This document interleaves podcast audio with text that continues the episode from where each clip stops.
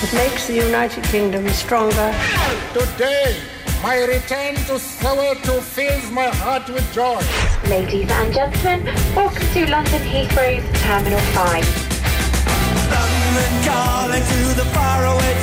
Bon dia, Sean Carlin.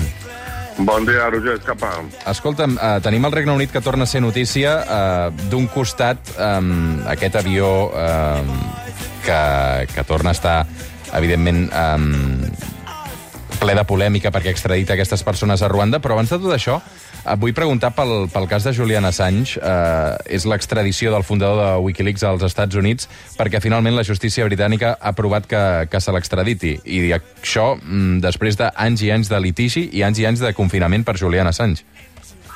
Bueno, dices finalmente, eh, Roger, pero es que este es el sistema judicial y, y va a más eh, apelaciones. Esto va a seguir eh, y no es, no es nada no es nada final. Eh, es, un golpe para, para Assange, pero eh, no, es que esto dicen ahora que un- una de las opciones que tiene Assange es apelar al Tribunal eh, Europeo de Derechos Humanos, que eh, curiosamente es justo el mismo tribunal que impidió eh, la extradición, o no sé cuál es la palabra, eh, es- es- esta expulsión forzada de inmigrantes que buscaban asilo político a, a Ruanda.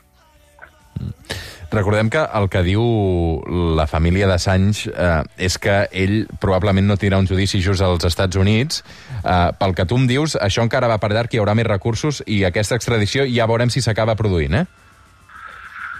Sí, bueno, mira, yo em, te digo, en cuanto a Assange, Assange, todo lo que he leído y he oído de él es una persona realmente odiosa, eh, narcisista, irresponsable eh, y, y- y mala persona. Esto lo dice gente eh, que ha estado muy cercana a él y yo he hablado con periodistas del New York Times y del Guardian eh, que, que estuvieron trabajando con él en el tema Wikileaks y bueno, es, es, es un tipo que, que no me genera ningún respeto. Pero dicho esto, em, yo defendería absolutamente su derecho a, a evitar la extradición a Estados Unidos porque Estados Unidos primero el sistema el sistema em, carcelario es tremendamente cruel. Yo lo, o sea, mil veces prefería estar en una cárcel británica que en una cárcel de, Estados Unidos.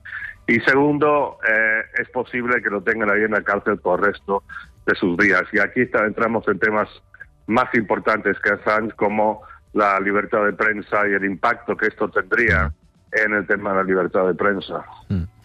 Uh, veurem com continua tota la història de- d'Assange. Ara també apuntaves um, aquesta polèmica que involucra el Regne Unit amb la política de- d'exiliar a la força les persones que demanen asil al país. Tot això mentre es tramiten les seves demandes d'asil, el govern britànic extradita aquestes persones a Ruanda, a l'Àfrica. Uh, per tant, no els deixa quedar al, al Regne Unit amb aquesta imatge d'aquest avió que, que finalment a última hora crec que van aconseguir um, evitar que s'enlairés, no? Sí, bueno, mira, ante todo eh, es, es una idea, no sé, es como clásico Boris Johnson, es todo como improvisado, caótico, eh, con un punto demencial. O sea, ¿qué están pensando? Mandar a esta gente a, Ruanda. Parece que han llegado a un arreglo con un acuerdo, pero el gobierno de Ruanda le van a pagar 120 millones de libras, o sea, como 150 millones de euros, para recibir a esta gente.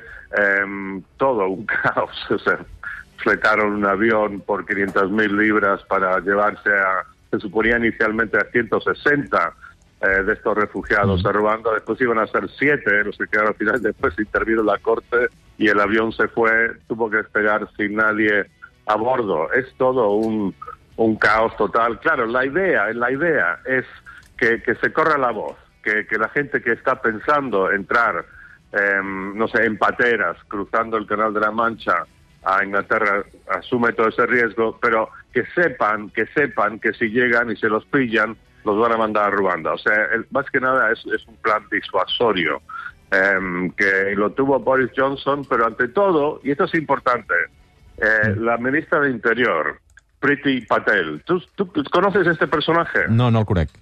Bueno, este es, este es interesante. Priti Patel es la persona que está ahí, es como la, la, la principal guerrera británica en la, en la batalla para impedir la llegada de eh, refugiados inmigrantes eh, supuestamente ilegales, como dicen.